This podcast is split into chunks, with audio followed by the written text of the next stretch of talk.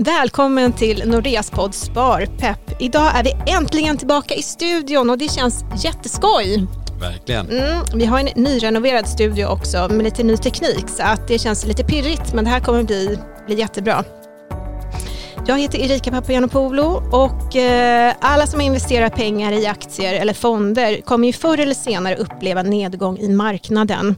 För ett tag sedan så var det ju lite skakigt och vi tänkte snacka om hur man kan tänka och agera i sådana lägen. Och vi har bjudit in Nordeas sparexpert Anders Stenkrona och Anna-Karin Ögren som tidigare har jobbat som rådgivare och kontorschef i många år. Och du jobbar ju just nu i vårt kommunikationsteam. Jag säger välkommen Anders och Anna-Karin. Tack. Tack. Ja, som sagt, när det går neråt på börsen då kan man ju bli lite lätt orolig och eh, då har vi ju en tendens att varken tänka eller agera logiskt och rationellt. Men det finns ju en förklaring till det, Anders. Ja, jo men så är det. Och när det går ner så, vi, vi pratar ju om det, vi blir så emotionellt engagerade i vår eget så det är svårt att tänka klart. Och det här med att det finns liksom två huvudsakliga skäl som gör det svårt för oss att köpa och sälja vid rätt tillfällen. Och, och ett är att vi ser ju mönster. Vi har en tendens att se mönster. Vi är experter på det. Vi ser mönster i allt det vi ser, bland annat då börskurser. Och att se mönster, det har ju hjälpt oss historiskt genom ja, alla tider att man kan snabbt få sammanhang på saker och ting. Men marknaden följer liksom inga förutsägbara mönster. Så det, jag menar, det här har ju testats om och om igen. Man kan säga att om det hade funnits ett tvärsäkert mönster som alltid fungerade, ja, men då skulle priserna justeras till en nivå så att den säkra avkastningen exakt motsvarar risken. För är det ingen risk så får man heller ingen avkastning. Så det mönstret, det, det, finns liksom inga mönster som man kan säga funkar i alla väder. I alla väder. Det andra är att besluten vi tar baseras ofta eller styrs ofta av känslor. Och vi tenderar att agera som andra gör i vår omgivning. Så att om alla är positiva, ja då tenderar vi liksom att köpa. Och är alla negativa, då tenderar vi att sälja våra investeringar. Och det kan göra att vi alltid hamnar steget efter marknaden. Så våra känslor är liksom inget bra på att förutspå hur det kommer gå på marknaden. Men det styr hur vi agerar. Och där kan det lätt bli fel. Mm. Och det är självklart att det är mänskligt och, och lätt att få ont i magen och, och drabbas av panik. Men du Anna-Karin, du har ju jobbat som rådgivare i många år och eh, vad brukar de kunder som du har haft kontakt med säga kring sådana här lägen? Ja, det kan ju vara lite olika. Eh, ibland så kanske kunden har eh, varit orolig för sitt sparande Eh, tidigare i livet och vill inte vara med om det igen. Och ibland så kan det räcka med att man har hört någon bekant som har förlorat pengar. Och här är det viktigt att tänka på att en förlust blir ju ett faktum först den dagen när man säljer sina fonder när de är värda mindre än vad man har köpt dem för. Och så länge man har kvar sina fonder så finns ju möjligheten att vara med på uppgång igen. Sen kan det ta olika lång tid innan återhämtningen väl är där. Eh, och då tycker jag att man ska ta hjälp av en rådgivare och gå igenom sitt sparande. Men ett exempel kan ju vara att eh, man kanske har satt in 10 000 kronor i en fond och helt plötsligt så är de värda 50 000. Och så kommer det liksom en, en turbulens och pengarna är värda 30 000. Eh, då kanske många tänker att man har gjort eller att man har en förlust. Men det är ju faktiskt en värdeminskning. Du är ju faktiskt fortfarande på plus. Så här tror jag att många kanske tänker lite fel. Att man, man tar en värdeminskning för en förlust. Och, och så kan det ju vara. Det är ju känslorna som styr. Eh, att det känns ju som att man har förlorat pengar. Eh, men att förlust är ju när pengarna är värda mindre än vad man har satt in. Och det försöker vi liksom prata med kunderna om. att Vad är man nöjd med för vinst och så. Du lyssnar på Nordeas podd Sparpepp. Vi bjuder in intressanta gäster som pratar om privatekonomi, sparande och investeringar med ett nytt avsnitt varannan måndag. Prenumerera gärna på Sparpepp i din podcastapp så missar du inga nya avsnitt. Och nu tillbaka till dagens avsnitt. Men vad säger du kring det här Anders? Har du några andra tips? Ja, så när det är liksom skakigt i marknaden och man vill liksom inte ha, man vill inte få en förlust. Eh, det första, att försöka att undvika att pricka rätt i, i marknaden, alltså att timing. Det är i stort sett omöjligt, det är jättesvårt. Eh, som jag nämnde innan, vi, det som går emot är ju att vi ser mönster som inte finns eller vi styrs av känslor och tror att det ska på något sätt hjälpa oss och vi kan hamna helt fel. Eh, och till exempel att man säger man kanske vill gå ur när det känns läskigt. Va? Men det svåraste är, när ska man då gå in igen? Det är ju supersvårt, det är ju nästan ännu svårare. Så att om man sålde för att det känns läskigt, man känner sig orolig, ja men när ska man då kliva in? Ja det är knappast på botten, för där är det ju ännu mer oroligt. Utan det som brukar hända är att när marknaden väl vänder, så när, alltså man säger så här, jag, jag kan investera igen när det känns okej. Okay. Ja, det brukar vara efter vändningen och så pass att marknaden till och med gått förbi den punkt där du sålde. Så då, då står man liksom på back igen. Så att det, det är emotionellt sett omöjligt att sälja på, dopp, på toppen och köpa tillbaka på botten.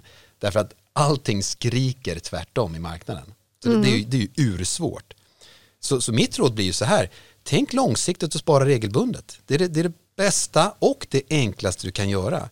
Eh, sparar du regelbundet, ja, då ökar ju sannolikheten att du får en positiv avkastning. Eh, investerar du till exempel regelbundet när marknaden går ner, ja, då investerar du ju billigare och billigare och så är du ju med när marknaden vänder med en ganska god position. Men då gäller det att du också är långsiktig och förstår att det kan gå ner under tiden. Så marknaden kommer gå upp och ner under kort sikt men historiskt sett så har börsen haft en positiv trend över tid. Och den trenden är ju lättare att vara med på om man är konsekvent investerad i marknaden. Och det är väldigt lätt att missa om man tajmar, försöker tajma ut och sen in igen om vartannat. Då kan man lätt missa hela trenden. Och det här med att spara regelbundet och låta tiden göra sitt är ju är väldigt smart. Men tänker du rent konkret då på ett månadssparande?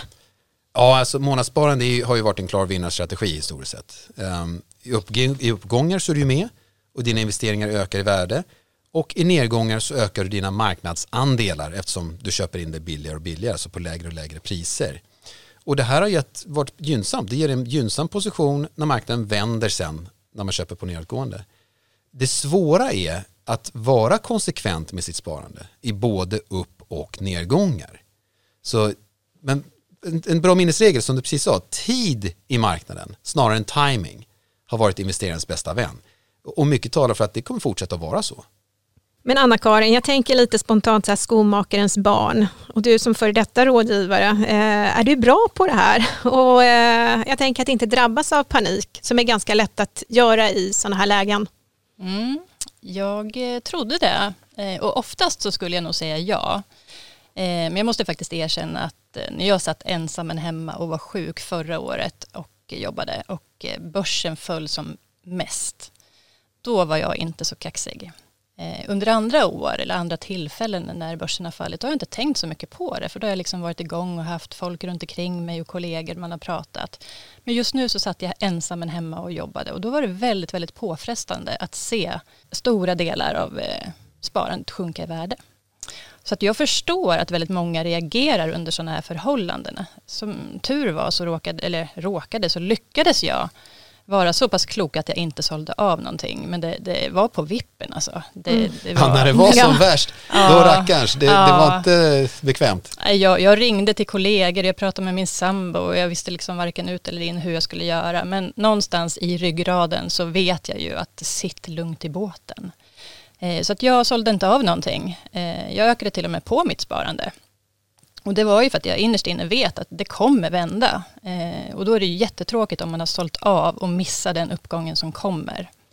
Sen är det väldigt olika hur lång tid det tar för börsen att vända och, och självklart så bör man ha i åtanke när har jag planerat att använda mina pengar. Eh, jag kunde avvara mina så att jag lät dem sitta. Eh, jag ökade på mitt sparande och framförallt då månadssparandet. Och det är jag jätteglad för idag, eh, för att uppgången kom ju efter ett tag. Eh, det är väldigt sorgligt att höra de kunderna som har sålt av i nedgång och sen missat uppgången när den har kommit. Så att vi försöker alltid liksom prata om det här med kunderna och förklara hur börsen fungerar och att tänka långsiktigt. Det här är så otroligt klassiskt Anna-Karin. Det, precis, det går ner, man blir urrädd mm. och så mm. vågar man inte gå in förrän det lugnat ner sig och då har man missat mm. allting. Ja, ja. Mm. verkligen. Men annars då, eh, kring ditt eh, egna sparande, Anna-Karin, har du någon tydlig plan och man brukar prata om någon så strategi som du ska hålla fast vid. Ja, eller hur? Ja. Det låter så himla bra. Man ska ha en plan och man ska ha en strategi. Men jag tror att många också tycker att det känns väldigt svårt och invecklat. Att vad betyder det att jag ska ha en plan och strategi för mitt sparande? Eh, så att jag brukar säga se till att du börjar spara. Du behöver kanske inte alltid ha en strategi eller en exakt plan för vad dina pengar ska gå till. Men se till att sätta undan pengar så att du känner dig trygg och mår bra. Jag brukar tänka i olika tider. Eh, ett sparande som jag tar av i första hand om jag behöver någonting extra eller om någonting oförutsett händer. Sen ett sparande som är långsiktigt men som man kanske inte alltid har en plan för. De ska finnas där. Sen är det det mest långsiktiga, de pengarna som ska finnas till hands när jag slutar jobba och ska leva livet. Mer än så planerar inte jag. Eh, jag försöker spara så mycket att jag, som jag känner är lagom och sen så får de stå och jobba. Och eh, jag är heller inte så aktiv utan jag har valt en bekväm lösning. Och eh, jag tror att det blir väldigt märkbart när det, när det blir turbulent på börsen att för mig så kändes det som att jag vill inte behöva vara så aktiv och, och göra ändringar utan för mig passade det ganska bra att ha en lösning där jag, där jag kan tänka långsiktigt och inte behöva gå in och göra förändringar hela tiden utan försöka hålla mig till det som jag har bestämt mig för. Eh, och när man pratar lite om det här med plan och strategi så tror jag att ibland så är det lite svåra ord för våra kunder utan jag tror att det viktigaste handlar om att se till att sätta undan pengar så att du känner att du mår bra, att du känner dig trygg, att du vet att du har. Så att det mm. räcker.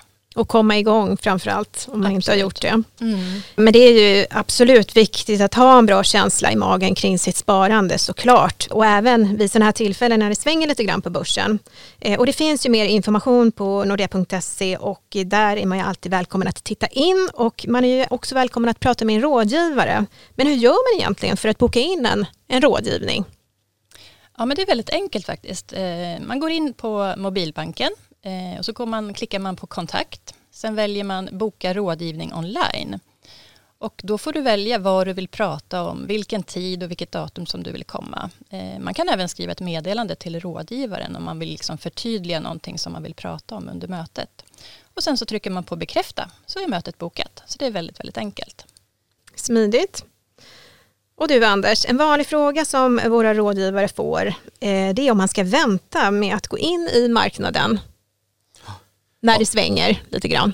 Ja, det, det där är ju en jätteintressant fråga och det här har vi tittat rätt mycket på. Och som du säger, man kan tänka så här, det känns läskigt och jag väntar på någon dipp eller något sånt där och då går jag in. Men vi har tittat på det här, så man har, tänk dig ha en stor summa att investera. Man får någonting, jag vet inte, kanske ett arv eller lotterivinst, I don't know. Och så ska man, ska man då vänta eller ska man investera lite grann över tid eller ska man gå, bara gå in rakt av? Vi tittar på alla tre alternativen och ser vilket, vilket har varit bäst historiskt. Och du sa, även här, det är ju så lätt att förstora sannolikheten att börsen ska gå ner. Så ja, börsen innebär ju en risk och på ett års sikt så är det ungefär 25% sannolikhet att börsen går ner. Men det är 75% sannolikhet att den går upp. Och på fem års sikt då är det ungefär 10% sannolikhet att den går ner Medan det är liksom 90% sannolikhet att du faktiskt får en positiv avkastning på fem års sikt. Så har du lite placerings, eh, lång, längre placeringshorisont så har du en god förutsättning för att få en positiv avkastning. Och det är som man har 100% aktier. Det blir såklart lägre om man balanserar med lite annan risknivå som man kanske blir bekväm med. Så historiskt sett så har det varit en dålig strategi att vänta på en dipp innan man investerar. Det, det har varit liksom mer sannolikt att börsen går upp än att den går ner över tid. Så att vänta innebär med största sannolikhet att du går miste om avkastning. Och det, det, är liksom, det är synd att man går miste om avkastning. Eh, om till exempel, om du väntar på att investera till en nedgång, eh, efter en nedgång, du säger jag väntar tills det går ner, då måste du på något sätt ha en bild i huvudet, hur stor ska nedgången vara innan jag går in? Ska det vara 10% eller 20% i dipp? Ja men säg 20 då. Ja men vad gör du då om marknaden fortsätter upp 10-20 procent, då får man ju nästan panik. så att, nu har den gått upp lika mycket som jag trodde den skulle gå ner, ska jag gå in nu? Och så blir det ännu svårare att gå in eftersom man väntar på den här dippen. Så det, man gör det väldigt svårt för sig själv att, om man gör på det här sättet att vänta på en dipp. Så att stora dippar, de händer inte så ofta som man skulle kunna tro. Men eftersom de är otäcka så, så förstorar vi liksom sannolikheten i, vår, i vårt eget sinne att de skulle kunna hända. Så historiskt sett så har det varit bäst att investera allt på en gång. Och det har varit en bättre strategi i ungefär 70% av fallen. Och i 30% av fallen hade det varit bättre att investera lite i taget. Det, det är den trade-offen man gör. Och det är klart, så, så statistiskt sett är det såklart. Investera allt på en gång. Emotionellt sett så kan det ju vara väldigt svårt. Och då är det i alla fall bättre att investera lite i taget, kanske, vad vet jag, sprid ut över ett år eller sex månader. Det är kanske är emotionellt lättare och det är i alla fall bättre än att inte investera alls. Så det är, det är så man kan, då vet man i alla fall om hur, vet man hur det ligger till. Sen handlar det om liksom, hur, vad vågar jag göra? Mm. Väldigt intressant.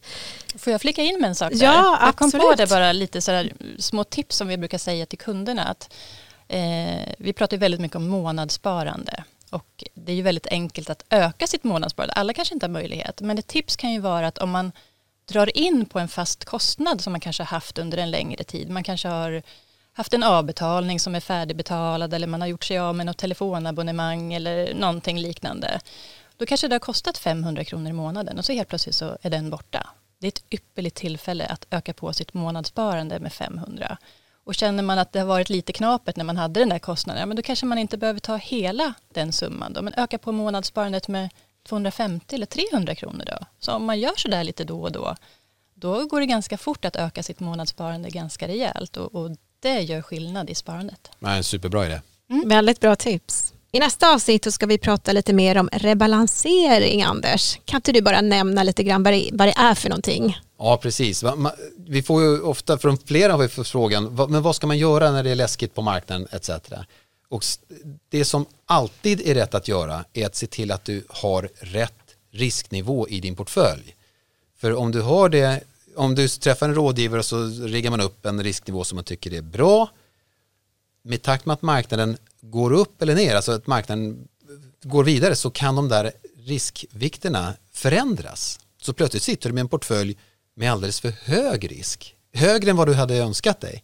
Då är det bra att rebalansera, se till att du har en risknivå du är bekväm med oavsett om marknaden går upp eller ner. För vi vet ju inte vad som kommer hända, utan man ska vara redo i sin portfölj. Oavsett om den går upp eller ner så mår jag bra. Och det kommer jag prata om. Så då får ni lyssna då. Då ska vi även ta upp två stycken nya såna här investeringsmyter. Då säger jag tack Anders Stenkrona och Anna-Karin Ögren för att ni gästade Sparpepp idag. Och eh, det skulle vara väldigt kul om ni som lyssnar på den här podden hör av er med tips, till exempel på ämnen att snacka om eller eh, förslag på intressanta gäster. Då kan ni mejla till oss på sparpepp.nordea.se. Vi hörs snart igen.